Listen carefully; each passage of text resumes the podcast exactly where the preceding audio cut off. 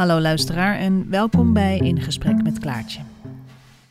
We zijn terug, voor nu tenminste, met een nieuwe aflevering. Dominee, psycholoog en schrijver Klaartje Kruijf schreef een boek. Stevig staan in een kwetsbare wereld. En in deze podcastserie zet ze haar zoektocht voort naar wat kwetsbaarheid, geloof en stevig staan vandaag de dag betekenen. We zitten, toen we nog met z'n tweeën op bezoek mochten, bij journalist Fokke Obama aan tafel met uitzicht op een uitgestorven Amsterdamsplein. Let's go. Leuk, Fokke, dat ik bij jou uh, op bezoek mag komen. Ja. Uh, we zitten hier naast een kerstboom. Het is uh, mid-januari. Ja. Jij hebt hem nog staan. Jullie Ja. hebben hem nog staan. Ik dacht in deze sombere weken kan wat extra licht helemaal geen kwaad. Nee, En eh, het geeft vrolijkheid in huis. Dus waarom zou je hem eigenlijk wegdoen? Ik heb spijt. Ik heb spijt. Als je hem ziet staan. Ja, Ja. ja. ik heb hem keurig eh, op tijd weggedaan. Hoe, eh, hoe is het met eh, jou, jullie in deze tijd? Zo beginnen we eigenlijk ieder gesprek. Ja, nou, we hebben de corona gekregen en vrij eenvoudig overleefd. Voor mij was het echt heel licht, dus alleen wat keelpijn. Voor mijn vrouw Karin was het een stuk zwaarder. Die had een week lang zware spierpijn. Maar goed, het, het is achter de rug en we zijn eh, immuun. eh, in ieder geval enkele maanden. Ja, En eh, dat geeft wel een zekere ontspanning ook weer in het bestaan. Dus ehm, ehm, ja, god, het is, een, het is een tijd waarin het leven schraal wordt, vind ik. ja, Sociaal. En dat is op onze leeftijd wat minder erg dan voor onze kinderen. ja. Ehm, maar goed, d- daar leiden we dan ook mee mee natuurlijk. ja. Dus het eh, hoeft voor mij niet heel veel langer te duren. Nee, Nee. nee, het duurt hè? Het duurt. Ja. Dus, eh, eh, en het, het, het gaat zeker nog langer duren dan we willen. Ja.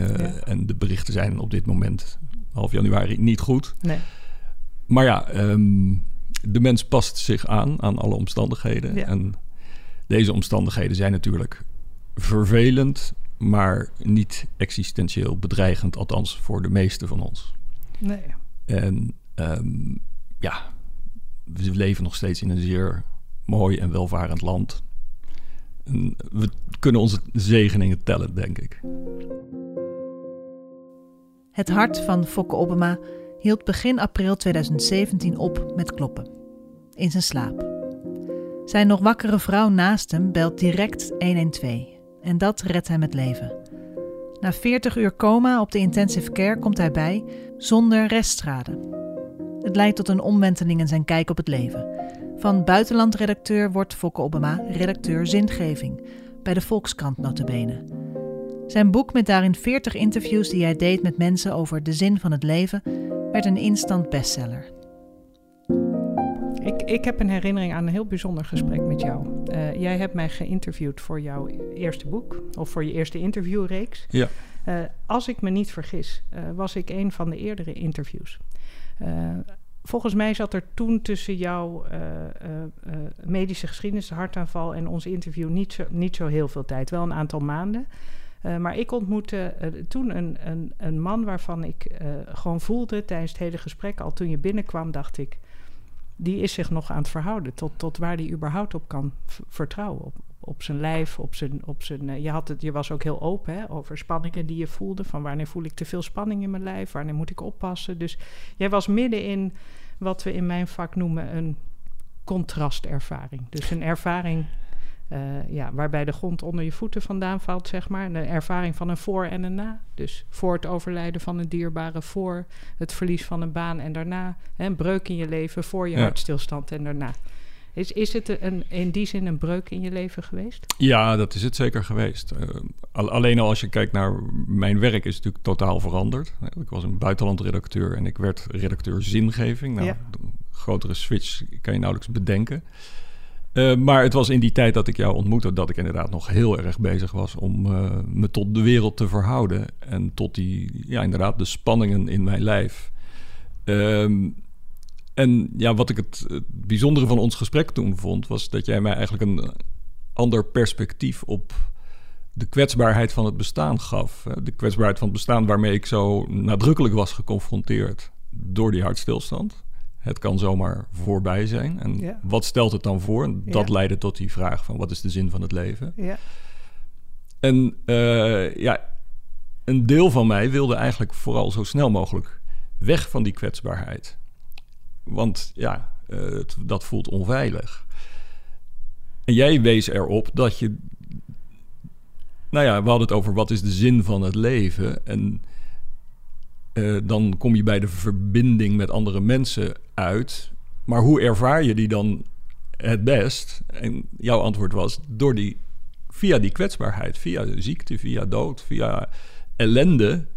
Dan komen mensen op een manier met elkaar samen en kunnen ze, elkaar, kunnen ze zich met elkaar verbonden voelen. Uh, diepgaander dan wanneer we het er alleen maar over hebben over uh, hoe goed we het wel niet hebben in het Ja. bestaan. Ja, dat was voor mij was dat echt een eye-opener. Dat was gewoon, oké, dit kan, ja, zo kan je er ook naar kijken. Ter- Terwijl ik toch, ehm, ja, vooral bezig was ten diepste om, om ervan weg te komen. Op dat moment zeker nog. Juist omdat ik zoveel spanning ook voelde. eh, Die Ja. stress, ja, die was gewoon heel vervelend. En als ik erop terugkijk, vind ik, vind ik dat nog steeds een van de vervelendste kanten van die hele gebeurtenis. Ja, want als je er teruggaat naar die tijd, hè, je hebt, je hebt wat ik vaak hoor eh, van mensen, zel- zelfs rondom sterfbedden bijvoorbeeld, en, en daar heb jij gelukkig niet hoeven meemaken, of de jouwe niet, laat zo zeggen, maar rondom sterfbedden of daarna, die mensen kunnen soms naast al het verdriet bijna verlangen naar zo'n die kwetsbare periode, hè, die kaarten op tafel. eh, jeetje, wat hadden we toen een bijzonder gesprekachtig. Heb je dat soort herinneringen ook, of kijk je terug op Nou ja, voornamelijk op die onzekerheid? Of, of, Nee, nee. Nou ja, ik vind ons gesprek vind ik daar dus een goed voorbeeld van. Weet Ja. je, dat, dat, dat was voor mij was dat eh, een heel belangrijk gesprek. En ehm, daar heb ik meer ervaringen in die periode gehad. Eh Karine en ik zaten echt op een ander spoor. Ik zat op het spoor van ik, ik, ik wil weg van die gebeurtenis. Ik, ik wil weer mijn oude leven Ja. oppakken. En zij zat mij heel nadrukkelijk voor te houden van nee, hier moet je alle lessen uittrekken die je eruit kunt trekken. Dus dat, dat botste en ja, dat leidde ook tot, tot intense eh, gesprekken en Ja. beleving. Ehm, waardoor ik uiteindelijk op een heel ander spoor ben gekomen. Ik heb haar grote gelijk moeten erkennen. Eh, en ja, dat heeft natuurlijk ook weer enorm veel gebracht. Dus, dus ehm, ja, als ik, als ik terugdenk aan die periode, is het gemengd eigenlijk. Dus enerzijds zijn het die mooie ervaringen van de goede gesprekken, de inzichten, openstaan. Hè, Het is een moment, omdat je eigenlijk dat schild wat we allemaal bij ons dragen, voor mijn gevoel, dat panzer waarmee je de wereld tegemoet treedt, laat zakken, of, of het is je uit je handen geslagen. Misschien heb je hem niet meer. Precies. Ja, nou ja, ik, ik, ik, denk, ik denk niet dat ik hem niet meer heb. Want ik denk dat als ik nu de straat oploop, dan panzer ik me altijd wel enigszins tegen hè, de buitenwereld. dat, dat, dat hoort er een beetje bij. Je kan niet de hele tijd openstaan. Maar Ja. wat wel mooi was van die periode, was dat je open stond. Eh, en, en ja, gemengd dus met, met toch ook nare ervaringen. En dat, dat was volgens mij ook wat jij bedoelde. Van, weet je, het zijn natuurlijk hele nare dingen. Ernstige ziektes, het overlijden van familieleden. Maar het brengt je wel op een manier samen die ja, veel diepgaander is ehm, dan de gebruikelijke gang van zaken. Ik denk met name bijvoorbeeld aan, aan het sterfproces van mijn vader. Dat was net twee jaar daarvoor geweest. Ja. Ja, heel intens met mijn zusje en mijn moeder. Weet je, het oude gezin weer bij elkaar. Gesprekken gevoerd die je daarvoor al jarenlang niet meer gevoerd had. Eh, veel lol gemaakt ook. Terwijl hij lag te sterven. Weet je, dat soort eh, gebeurtenissen waarvan je als buitenstaanders misschien denkt: hoezo lol? Maar ja, dat hoorde er ook bij. Weet je wel? Dus, en dat verdiept het ook weer.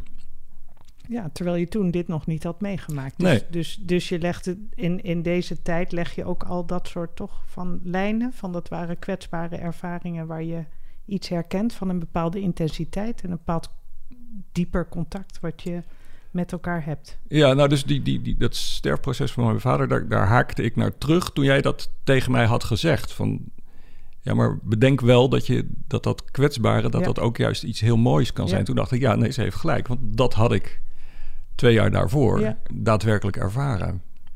En dat, en dat maakt het altijd overtuigender voor jezelf. Op het moment dat het aanhaakt bij ervaring, Ja, ehm, ja, is het veel sterker dan wanneer je als 19-jarige bijvoorbeeld zo'n, zoiets hoort van iemand die al veel langer heeft geleefd. En dan denk je, nou ja, het zal wel. Maar hè, voor mij was dat, ja, het is zo.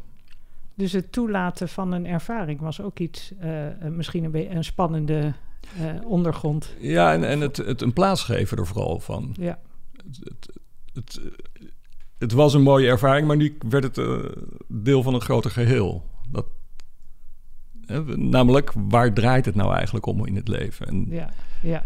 hoe kun je nou echt die diepere ervaringen met anderen hebben? Nou ja, dat was op dat moment nadrukkelijk het geval.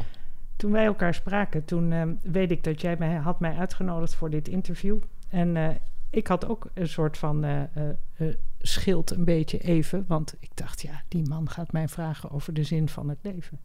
En ik, wer ik werk in een vak die, weet je wel, ik heb de hele dag zo'n beetje met zingeving te maken. Maar de zin van het leven. Ik vond dat nogal wat. Ik vind het nog steeds een hele grote vraag. Ja, En ik dacht, ik ben heel benieuwd. Ik hoop dat ik een goed verhaal kan hebben. Toen zat ik daar. En toen zat daar een man voor me die, die dus, dus erg zoekende was. Een hele kwetsbare periode. En dacht ik aan mijn vader, die nog geen, eh, eh, die, die in, ja, zo'n beetje leeftijd, want dit was voor jou vier jaar geleden. Jij bent volgens mij nu 57. Mijn vader stierf op zijn 57 met een hartaanval. Was, was dus, eh, heeft het dus niet gered, hè? Was Ja. plotseling dood. ja, dus toen zat ik daar eigenlijk ook weer terug bij een, eh, bij toch een, een inmiddels 18 jaar geleden, maar een soort diepe wond die er, die er nog steeds zit. ja, Eh, van gewoon een, een groot verlies. eh, van iemand waar ik heel veel van hield. Dus zat ik tegenover jou. Dus toen gebeurde er van alles met mij ook. Hè? Dus Ja. het was niet alleen aan jouw kant. En, Ja. en ik denk dat ik daarom ook misschien daar durfde te blijven. En tegen jou te zeggen, misschien is dit het wel. Wat er nu Mm, tussen ons mm. gebeurt is, is misschien Ja. wel zodanig wezenlijk. En misschien is dat wel even genoeg. En, en gaan we even weg van al die grote woorden. ja, ja. Nee, dat, dat herinner ik me ook dat, dat jij ook meteen vanaf de eerste minuut zei van eh, ik ga daar geen antwoord op geven. Althans, ik ga het gewoon heel persoonlijk opvatten. hè. Wat is de zin van mijn leven? Ja, ja, En dat, die hele grote vraag, die laat ik even. En daar, daar, daar zullen vast wel wisecracks over te geven zijn. Maar ja. ik ga het even helemaal vanuit mijn Ja. eigen ervaring. En nou ja, dat, dat komt bij mij altijd veel overtuigender over... dan iemand die een mooie quote ergens gelezen heeft... en dat eh, ja. te berde brengt. Ja. Ja, misschien, kijk, eh, het, het, ja, er is zoveel mee te maken in je leven dat, het, eh, dat je misschien gewoon stapsgewijs van ervaring naar ervaring langzaam, inderdaad met de leeftijd mee, zoals jij Mhm. beschrijft, lijnen gaat zien. Eh, mijn buurvrouw van 100, eh, eh, die zei tegen mij: de zin van het leven, dat soort vragen, daar, ga, daar gaan we het niet over hebben. Ik praat heel veel met haar, omdat ik haar heel wereld, heel, zij is heel, heel wijs leeftijdsgebonden deels, maar ook door wie ze is, denk ik. En zij zegt, maar wat, wat zin heeft in het leven, inderdaad wat jij nu zegt, jouw tweede serie, een zinvol leven, daar kan ik het wel over hebben. Ja, En die zegt dan bijvoorbeeld tegen mij, eh, Klaartje, je krijgt dingen eh, in je leven toegeworpen waarvan je de draagwijte nog niet kent. Nou, dat, eh, ja, dat vind ik van een grote wijsheid. Want, en, en dan denk ik aan jouw verhaal. Denk ik, er gebeurde iets s'nachts hier in dit bed. Iets, iets heel groots. voor jullie persoonlijk. Maar het heeft uiteindelijk als soort olievlek. Is er, is er van ja. alles gebeurd met jou. Ehm, want toen jij je boek presenteerde. ehm, daar was ik bij die presentatie. Daar kon je een kaartje verkopen. In Amsterdam was dat. Er waren geloof ik 500 mensen aanwezig. ja. En jij eh, eh, kwam ook iets later, werd je op dat podium genodigd. Ik geloof dat mensen gingen staan. Hè? Je kreeg een ovatie, kan ik me herinneren, of iets in die richting. Ja, door het eh, zeer en jij zei, ik lijk wel een popster, vond ik heel grappig. Want ik dacht, ja, dat kan ik me dan voorstellen. Je denkt, nou, even in mijn leven lijk ik wel een soort popster. Ja. Wat, maar wat, wat is er gebeurd rondom jouw eh, interviewserie? Wat, wat, wat, welk verlangen heb jij ja, ik, losgemaakt met, met, met, maar met jouw verhaal en vervolgens met alles wat. Kun je daar iets over? ja nou, ik, ik denk dat het inderdaad begint met mijn eigen verhaal. Ja. Eh, dat heeft voorafgaand aan de serie in de krant gestaan. Ja. Op een zaterdag over, ik geloof, vijf pagina's. En heeft toen heel veel losgemaakt. Ik kreeg zelf duizend reacties. Nou ja, dat is Duizend. krankzinnig Ja. veel. Ja. En dat waren niet reacties van leuk verhaal. Ik bedoel, het was, dat waren mensen die vaak hun eigen hebben en houden, hun eigen leed met mij wilden delen. Ehm, en dat kwam uit allerlei hoeken. Dus het, het, het, het waren mensen uit de, de medische stand, maar het waren ook heel veel slachtoffers van hartstilstanden of familieleden van slachtoffers die het niet hadden gehaald. Het, ehm, het kwam een hele grote groep mensen met een burn-out die zich in het traject herkenden wat ik daarna had gehad. Dus dat verhaal dat, dat maakte veel los. En ik denk ook omdat het ja, heel veel ruimte tot identificatie bood. Eh, met name ook omdat, zoals een aantal mensen tegen mij zeiden: van ja, je deed niks verkeerd. Eh, en dat had ze namelijk een soort ontsnapping kunnen geven. Weet je, als ik nou had gerookt of hè, een, een, levensstijl erop na had gehouden die niet deugde, dan hadden, hadden ze het makkelijker van zich af kunnen zetten. Eh, maar ja, dit, dit, dat was niet het geval. En dus kon het hen zelf ook overkomen. En ik denk dus dat dat een soort identificatie teweeg heeft gebracht, die ertoe heeft geleid dat mensen die serie heel nauwlettend zijn gaan volgen. Hè? Want het, het verhaal eindigde ja, vrij natuurlijk op het punt van... maar wat is dan de zin van het bestaan? En dat mensen toen dachten, ja, wat is dat eigenlijk? Weet je? Dus, dus dat dat, dat uh, veel heeft geholpen. En daarbij eh, was het dus in de bedding van de Volkskrant. Een krant die ooit katholiek was. Toen met een hele grote zwaai... Uh, al het alles wat met geloof te maken had, uh, op de vuilnisbelt had gegooid. Maar zich daarna ook nooit meer met existentiële vragen is gaan bezighouden. Nou, onze lezers werden al maar ouder, laten we zeggen, uh, klassieke babyboomers voor een belangrijk deel. Ja. Die waren zo ongeveer nou, een jaartje of zeventig geworden. Dus die stonden echt wel op een punt waarop ze wilden weten van ja, wat heeft het nou allemaal voorgesteld wat ik tot nu toe heb gedaan? Wat betekent dit leven eigenlijk? Dus er was een enorme vruchtbare bodem eigenlijk bij het lezerspubliek van de Volkskrant uh, om dit soort interviews uh, tot zich te nemen. Maar ik, ik, wil nog heel even terug naar wat jij net zei. Dus, dus het begin hiervan, dat, dat vind ik eigenlijk fascinerend. Dus uh, heel veel mensen hadden zoiets dus... Uh, jij hebt niks gedaan om een hartstilstand te krijgen. Je, je hebt je lichaam niet uitgewoond op een verkeerde manier. Uh, maar het lot sloeg, sloeg toe. Ja. En, en ons verhouden tot ons lot is dus.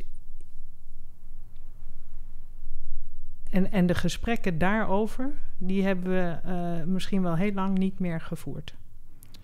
Zou ja, dat kunnen? Nou dat ja, je... in, in ieder geval, uh, ik weet niet wat mensen natuurlijk achter de voordeur doen, maar in ieder geval publiekelijk, en zeker in het medium De Volkskrant, uh, is dat niet of nauwelijks meer aan de orde geweest. Wij wisten als Volkskrant niet meer hoe we ons tot dat hele gebied moesten verhouden. We wisten, we hadden natuurlijk gewoon een periode gehad waar in de Jan Blokkers uh, en bij Ja. de NRC Rudy Kousbroek uh, domineerde. Ja. Strikt wetenschappelijke visie. Ja. Uh, Geloven was een beetje voor gekkies misschien. Ja, Of dat was achterlijk. Ja, Dat- dat- ja, ja, nee, dat- ik dacht ik zeg het nog aardig. Ja, nee, maar dat, Ja. ja, dat, dan, dan, liep je, dan had je het allemaal nog niet begrepen. Ja. En eh, ja, die overtuiging was, was eh, heel diep. En puur een reactie natuurlijk op eh, ja, de greep die de kerk op mensen had gedurende vele decennia. Ja. En waarin deze mannen eh, hun jeugdjaren eh, doorbrachten. Maar goed, de tijd schrijdt verder en we zitten in een andere fase. En mensen moeten toch. eh, of hebben een behoefte om aan de, op de existentiële vragen die de mensheid natuurlijk al sinds mensenheugenis bezighouden. En die, die waren natuurlijk heel lang, werd daarin voorzien door de kerk, maar die doet dat niet meer. Of die niet meer in ieder geval op de manier dat het, dat het een grote groep eh, eh, aanspreekt. Ja, dan is het heel eh, welkom wanneer het eh, gebeurt door iemand die duidelijk geen vooringenomen standpunt heeft.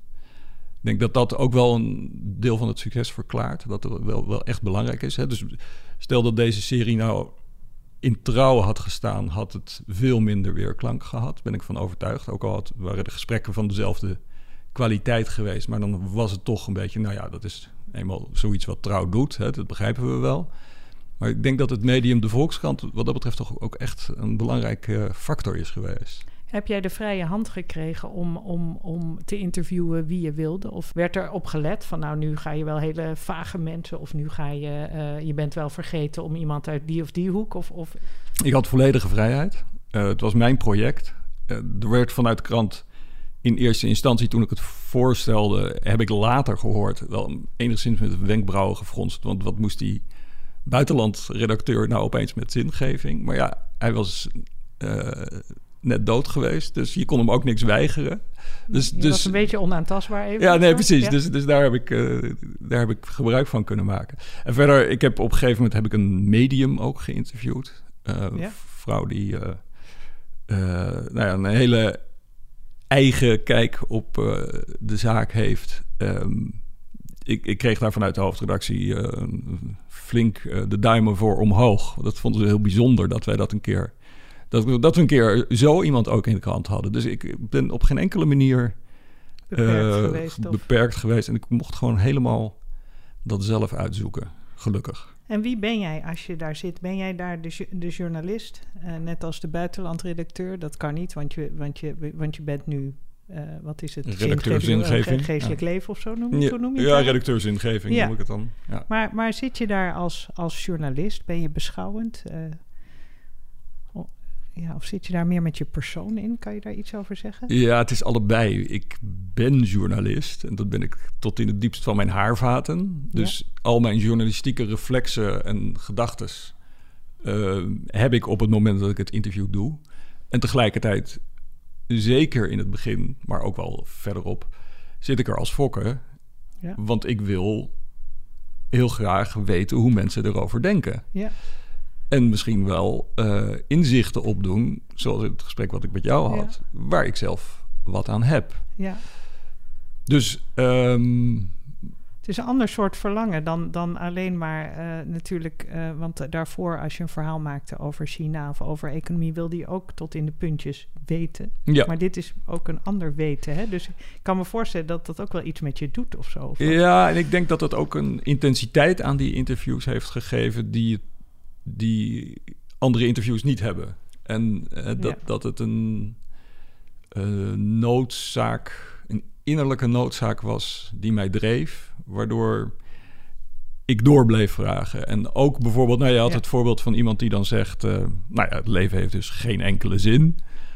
Ja, dan ben ik ook gefascineerd, want dat mag je vinden, maar hoe ga je dan vervolgens met dat leven om? Wat, wat, wat uh, maakt dat je geen zelfmoord pleegt dan? Als het zo zinloos is. Dus dan wordt, ja, de, de, de journalist in mij wordt dan wel heel erg um, gekieteld om daar eens flink mee aan de gang te gaan met iemand die zo'n extreem standpunt inneemt. Ja. Terwijl ik, en, en wat mijn ervaring dan ook daarbij is, is dat als je dan dat gesprek met zo iemand voortzet en doorgaat. En ook al is, vind ik zelf hè, persoonlijk dat standpunt heel kil en uh, uh, ja,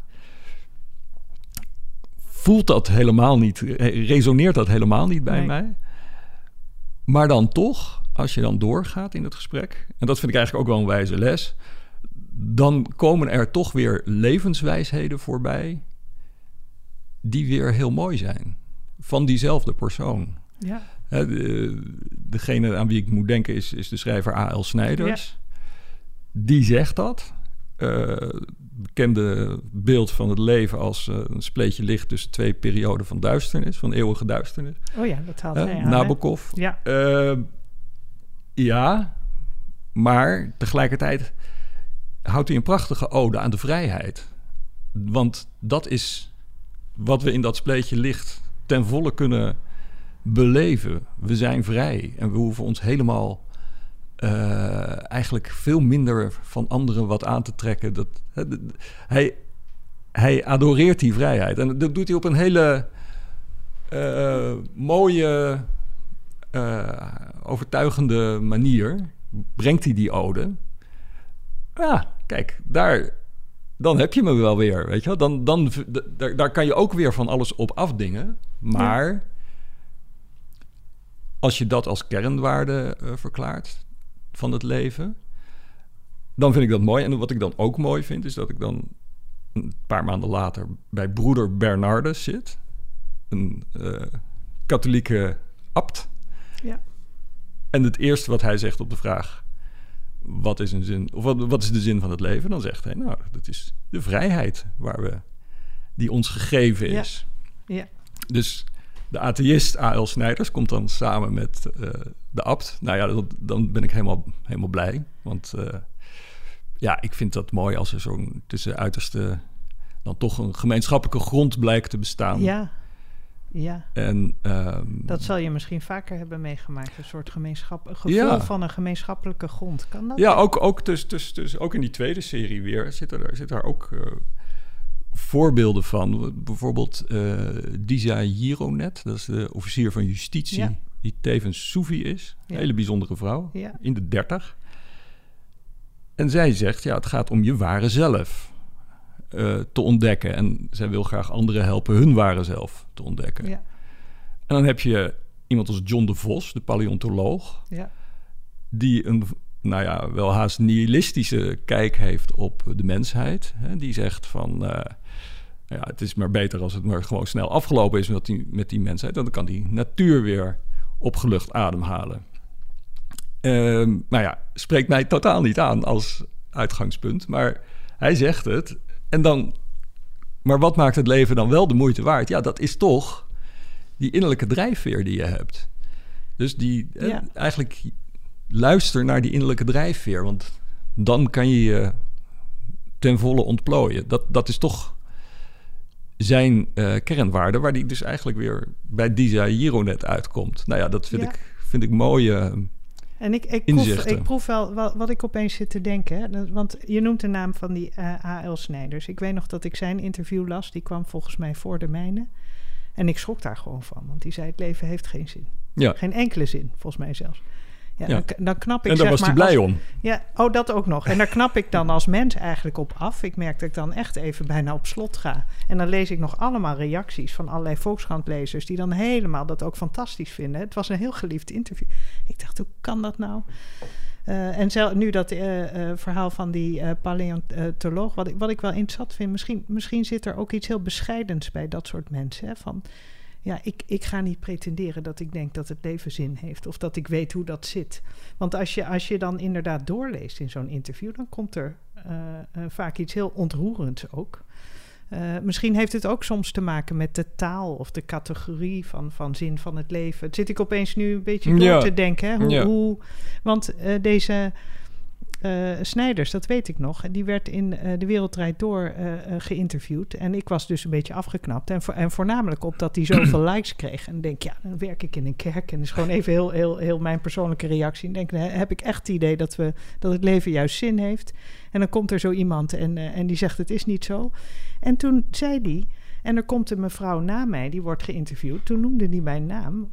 En die vertelt dus in het volgende interview dat het leven wel zin heeft. En toen zei die, vind ik ontzettend interessant. Ja, ja. En toen werd ik eigenlijk met mijn eigen onbescheidenheid ja mooi. geconfronteerd. Hè? Ja, ja. Eh, eh, toen dacht ik, deze man is veel bescheidener dan ik. Zit daar een, een, een gemeenschappelijke grond in, in iets van bescheidenheid? Ook in, eh, hoe je in het leven staat? Zie je, zie je dingen terug na zoveel mensen geïnterviewd te hebben? Nou, bescheidenheid is zeker een, een, een waarde die veel terugkomt. Eh, bescheiden ook bijvoorbeeld, wat ik heel interessant vind, over zelfkennis. De mate waarin je jezelf kunt zien.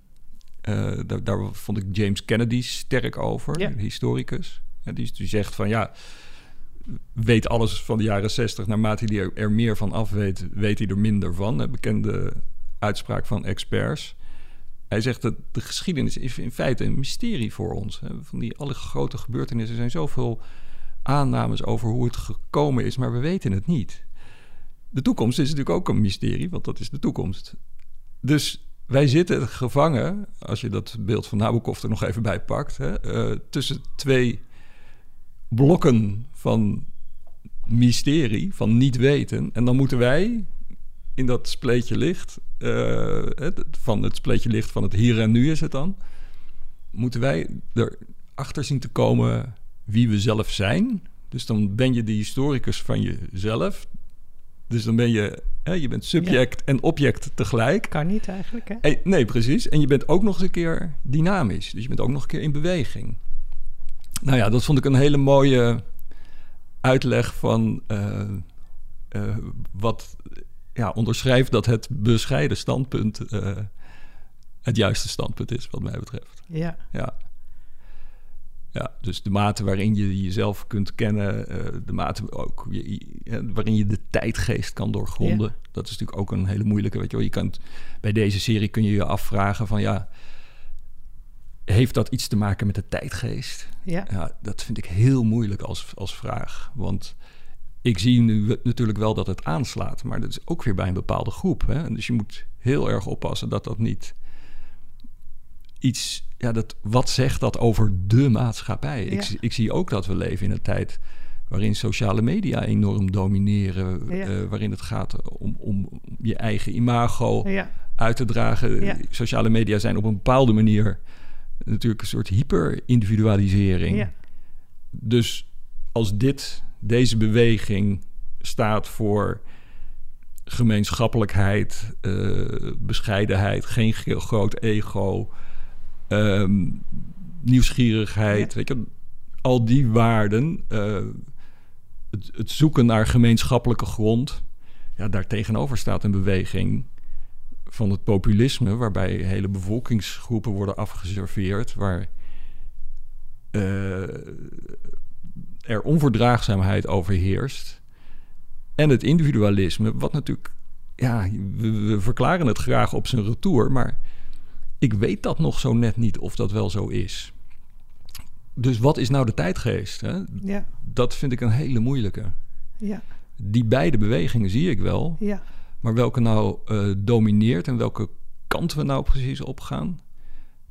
En dan begint wensdenken begint al snel de overhand te krijgen. Ik wil heel graag dat we die Ja. kant op bewegen die ik op beweeg. Maar ja, Hebben we daarin een opdracht als mens, nu in deze tijd? nou ja, een opdracht, dat, dat klinkt mij zwaar in de oren. Maar ik denk dat je bij, ook al geef je je heel erg rekenschap van je onvermogen om jezelf te kennen en jezelf in, je, in de tijd te plaatsen, je wil het toch. En je doet het toch en je probeert het toch. Ja. Dus in die zin, ja, het is niet eens een opdracht, het, het, is, het is bijna biologie. Het is, ik zie het ook als, als een deel van overleven. Van, Ja. Je wilt begrijpen in welke wereld je bent om te kunnen overleven.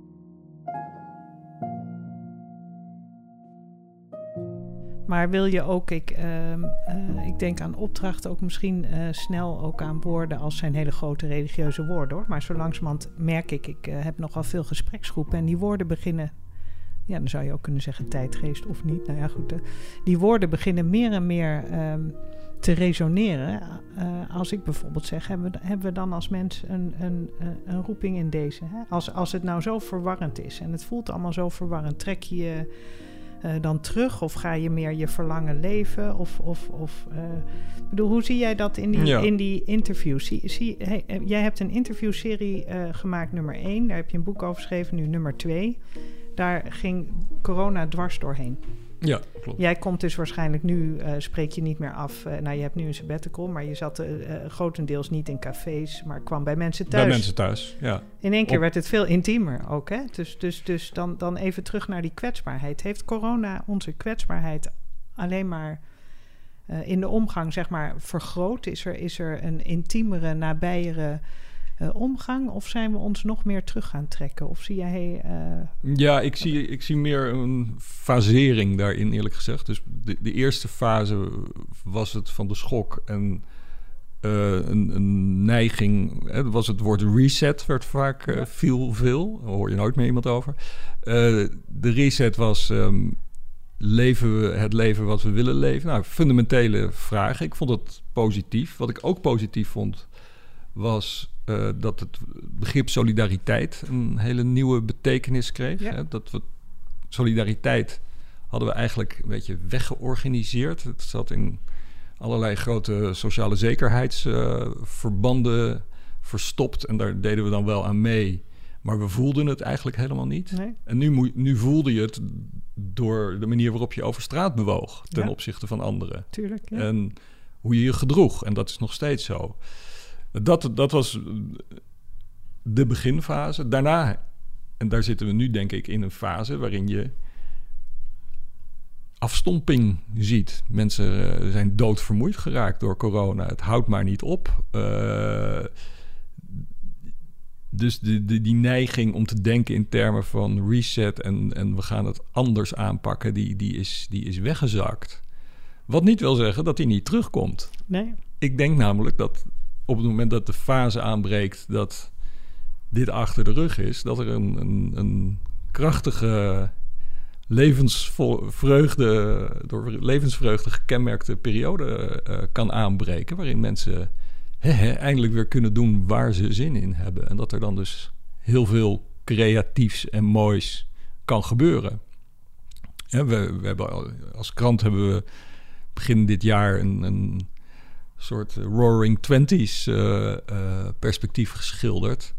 Nou ja, dat is misschien wat overdreven, maar toch, weet je je, je, kunt, je kunt je voorstellen dat dat in de lucht hangt. Je kunt ook voorstellen dat dat virus ons nog veel langer parten blijft spelen. En dan zijn we jaren verder. Dus, dus eh, zoals gezegd, de toekomst is een mysterie.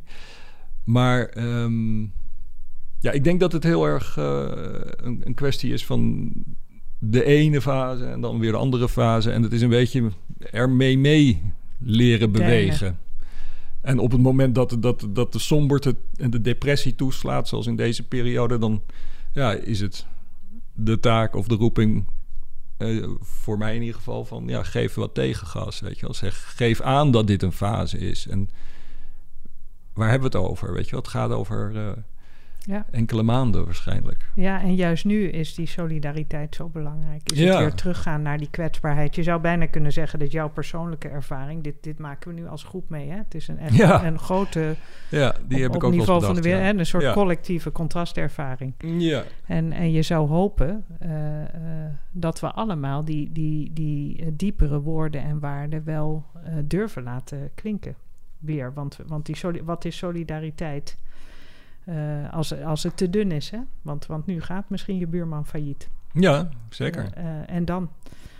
zeker. Dus ja. dat maakt, en als je het dan hebt over eh, zin van het leven en zinvol leven, dan kan je dat niet meer alleen nog maar particulier beantwoorden. En deden mensen ook niet in jouw interviews, hè? want het ging heel vaak ook over in een groter verband leven, toch? Of een Zeker, groter verbond, zeker. een beetje christelijk woord, maar zo. ja.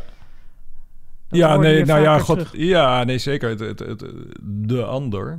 En ja, dat kan je natuurlijk zo ruim definiëren als je wilt. Die, Ja. die speelde eigenlijk altijd een, een hoofdrol bij, bij iedereen. Dus, dus wat is de zin van het leven? Ja, dat is de verbinding met de ander. En dat, ja, die ander, die kan dan op, een, op heel veel verschillende manieren gedefinieerd worden. Ehm, Ja. Soms wordt dat gewoon heel klein, weet je wel. Dat is mijn vrouw en mijn kinderen en dat is het. En eh, nog wat familieleden en vrienden misschien. Maar ja, er zijn natuurlijk ook eh, mensen die dat veel ruimer zien. Ja, ja er, er werd toch wel veel gerefereerd aan, aan toch bronnen buiten jezelf en aan Ja. grotere verbanden. En, Zeker, en, en zeker. aan iets werken dat groter is dan jijzelf. Hè? Ja, Dus, dus eh, dat, dat vond ik wel hele interessante lijnen, dat die steeds terugkwamen. ja, Dat dat ook... ja. eh, en met een grote rol voor de natuur ook. Ja. Dus dat als we deel zijn van een groter geheel, dan is dat de natuur. En dat we dan liefde voor de natuur moeten opbrengen. ja, Dat, dat, ja, er was toch een, een duidelijk bewustzijn daarover.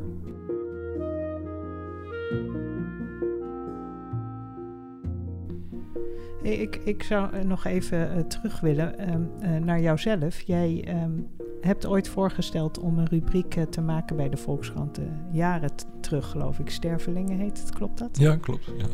En dat eh, viel toen even niet helemaal uh, uh, in elkaar daar. Hè? Misschien, misschien had je wel een interessant gesprek erover of zo, maar je bleef redacteur iets anders. Klopt, ik kwam terug in 2007 uit Frankrijk en dan heb je vijf jaar correspondentschap gehad, heb je alles over dat land leren kennen en de laatste maanden besteed je dan aan wat ga ik dan verder doen bij de krant. En toen was ik erop uitgekomen dat ik graag.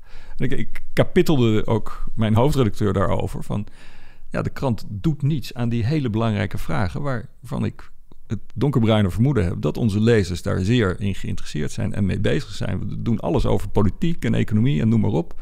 Maar dit gedeelte van het leven, toch heel belangrijk, doen we helemaal niet. Nee.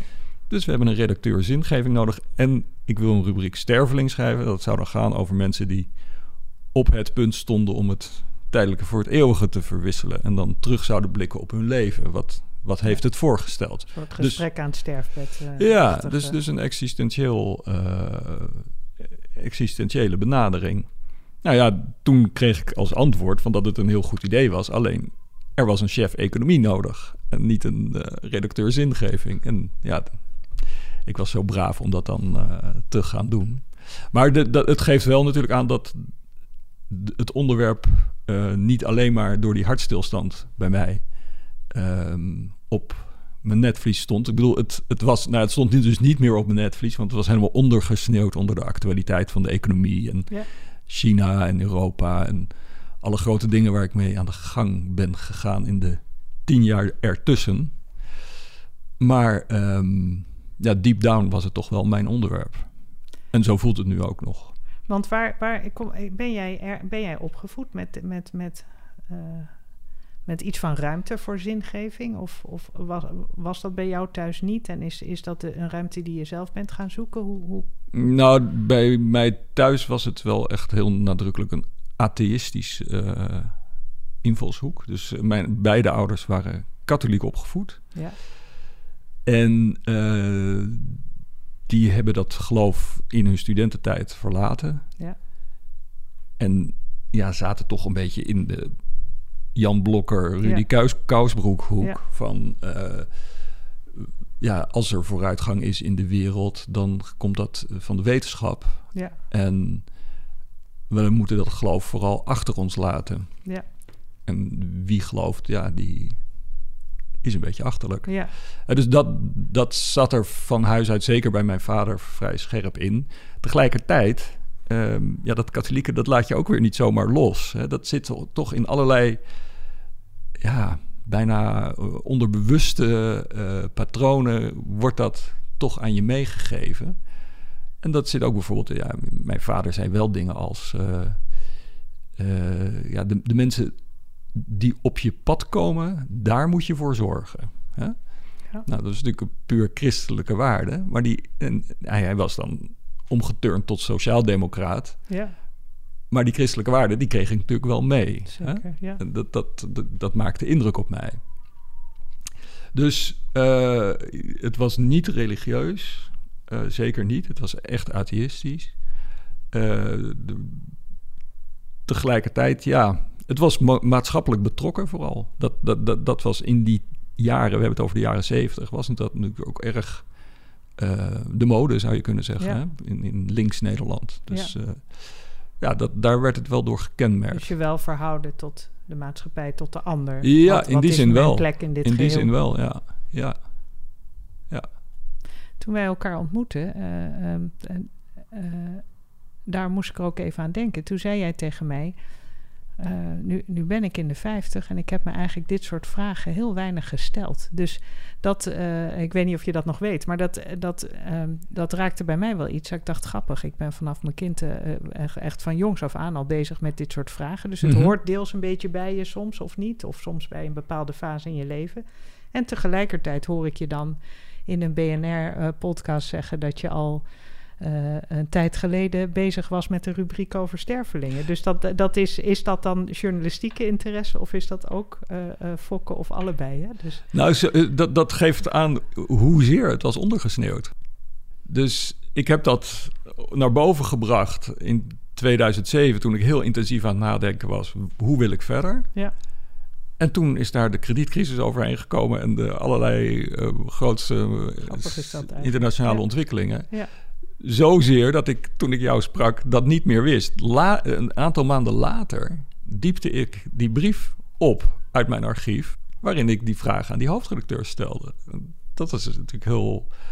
Dat, dat, was bijna confronterend om te lezen. Want ja, ik, ik, ik, ik, was er eigenlijk al volledig mee bezig op deze manier. confronterend. En ik merk dat ik meteen dacht aan het woord thuiskomen. Dan kom je toch een beetje thuis bij ja, nou ja, verlangen. Of, nou ja, dus, maar, maar zo voelt het nu ook wel. Weet je, ja. ik, heb, ik heb ook niet het idee dat ik nu nog iets anders zou willen of zou kunnen bij de krant dan wat ik nu doe.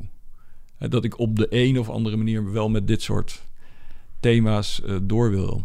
Dus, dus de, de, de ultieme kwetsbaarheid van in het begin, die kan je niet volhouden. Want, want hè, we, we leven gewoon, je kan niet de hele dag open, wijd open, gewond eh, met iedereen natuurlijk. Maar, maar de, de, de urgentie is wel dus enigszins gebleven.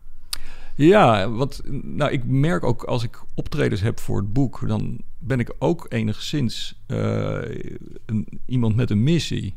Uh, en eh, dat was dat, ook dat was confronterend, want ik was in een kerkje in Bloemendaal en toen zei een dominee tegen mij: Jij, jij bent een man met een missie. Ik zei, ja, missie. Weet je, ik hield dat enorm af. Maar ik dacht er later over na. Van ja, ik ben wel iemand die de hele tijd aan mensen vraag. Van, mensen, voer nou eens dit gesprek met, met uh, degene met wie je het huis deelt. Uh, of schrijf in ieder geval voor jezelf op.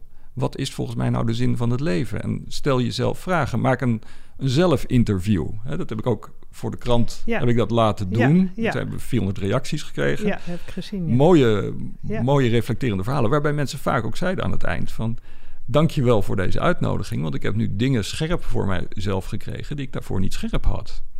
En, en daar, daar zit mijn missie eigenlijk. Dus dat, dat soort uh, vormen van, ja, die vormen van zelfinzicht, uh, met alle beperkingen van de mate waarin we zelfinzicht kunnen hebben, maar die gun ik uh, iedereen. Nou, en je gunt ze ook om een beetje te gaan afronden. Eigenlijk mijn laatste vraag, want dat is ook een beetje gekoppeld aan mijn missie. Daar ben ik misschien wat, wat minder bescheiden in geworden door de jaren heen. Hè. Vanuit de kerk hebben we toch een zending. En die zending is wat mij betreft die gespreksruimte uh, uh, open blijven houden. Hè. Dus, dus, dus dat we gezamenlijk, want, want uh, jij hebt van mij geleerd, ik heb van jou geleerd, nou, enzovoort. En alles wat we net bespreken, dat is een ruimte die wel eens ont ja, ontbreekt of ze ook schraal is geworden voor, voor mijn gevoel. Dus als je dan al die particuliere interviews leest, hè, wat, wat, wat zie jij nou als een, een vanuit jouw zingevingsjournalistiek? Zou jij mij iets kunnen meegeven in mijn werk? Gewoon als predikant op de rand van de kerk. Wat, wat, wat zouden wij nou uh, hiermee kunnen? Ja, wat bij mij opkomt is, uh, en volgens mij doe jij dat al in ruime mate, maar dat is uh, meer vragen stellen dan antwoorden geven. Dat, dat zou ik uh, de kerk uh, aanraden. Um, dus niet ja, die eeuwenlange uh, veilige positie innemen. Wij weten hoe het zit en wij gaan jullie schaapjes dat vertellen. Ja. Maar nee, wij weten ook niet hoe het zit. En laten we het er eens over hebben. Hoe zou het kunnen zitten? Weet je? Dus een veel opener houding. ik vond het wel mooi. Ik, ik, ik, was dus bij die bijeenkomst met dominees. En één dominee die vertelde mij dat hij meditatiebijeenkomsten was gaan houden in zijn kerk. Ja. Stilte. Eerst maar eens uh, bij elkaar zitten. En uh, ja, dat vond ik wel een heel, heel mooi startpunt eigenlijk. Uh, vanuit die stilte en dan nog eens een keer een vraag stellen. En eens kijken wat je daarover zou kunnen zeggen. Dus, dus een veel minder hoog van de toren positie dan uh, een veel lager bij de grond. En de vraag is zelfs of je zo'n meditatiebijeenkomst dan wel in een kerkgebouw moet houden. Want dat heeft natuurlijk ook weer zijn hele uh, connotatie. Um, maar dat, dat. Dus eigenlijk zou de kerk enigszins naar mij toe moeten komen. Want ik stel natuurlijk ook de hele tijd vragen zonder de antwoorden te geven. En probeer dan aan het eind natuurlijk wel mijn gedachten op te maken. En dat zal je als kerk zal je dat natuurlijk ook moeten doen. Je kunt nu natuurlijk niet helemaal uh, dogmaloos uh, door het leven gaan. Maar ik denk dat daar een wereld te winnen valt.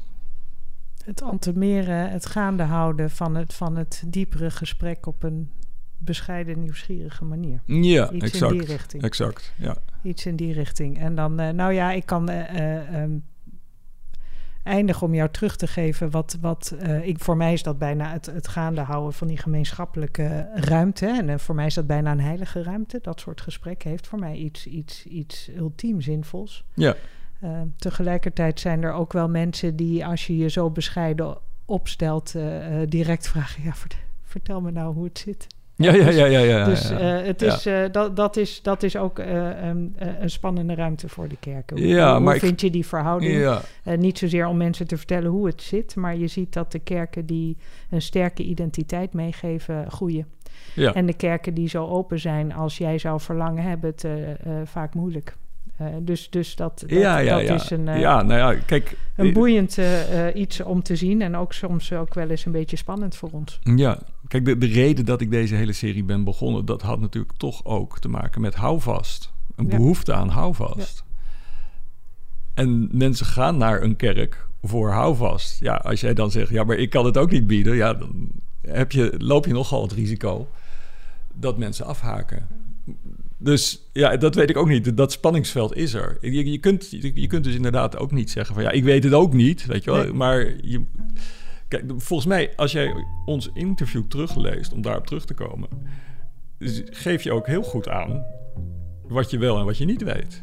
Weet Ja. je, dus eh, ja, die vraag, dat weet ik niet. Maar hier kan ik dit over zeggen en hier kan ik dit over zeggen. En dat alles bij elkaar krijg je toch een heel overtuigend en mooi verhaal. Dus ik denk dat, ja, dat, dat is natuurlijk vallen en opstaan. Maar ik denk dat je die kant eh, toch op zou kunnen. Dankjewel. Graag gedaan.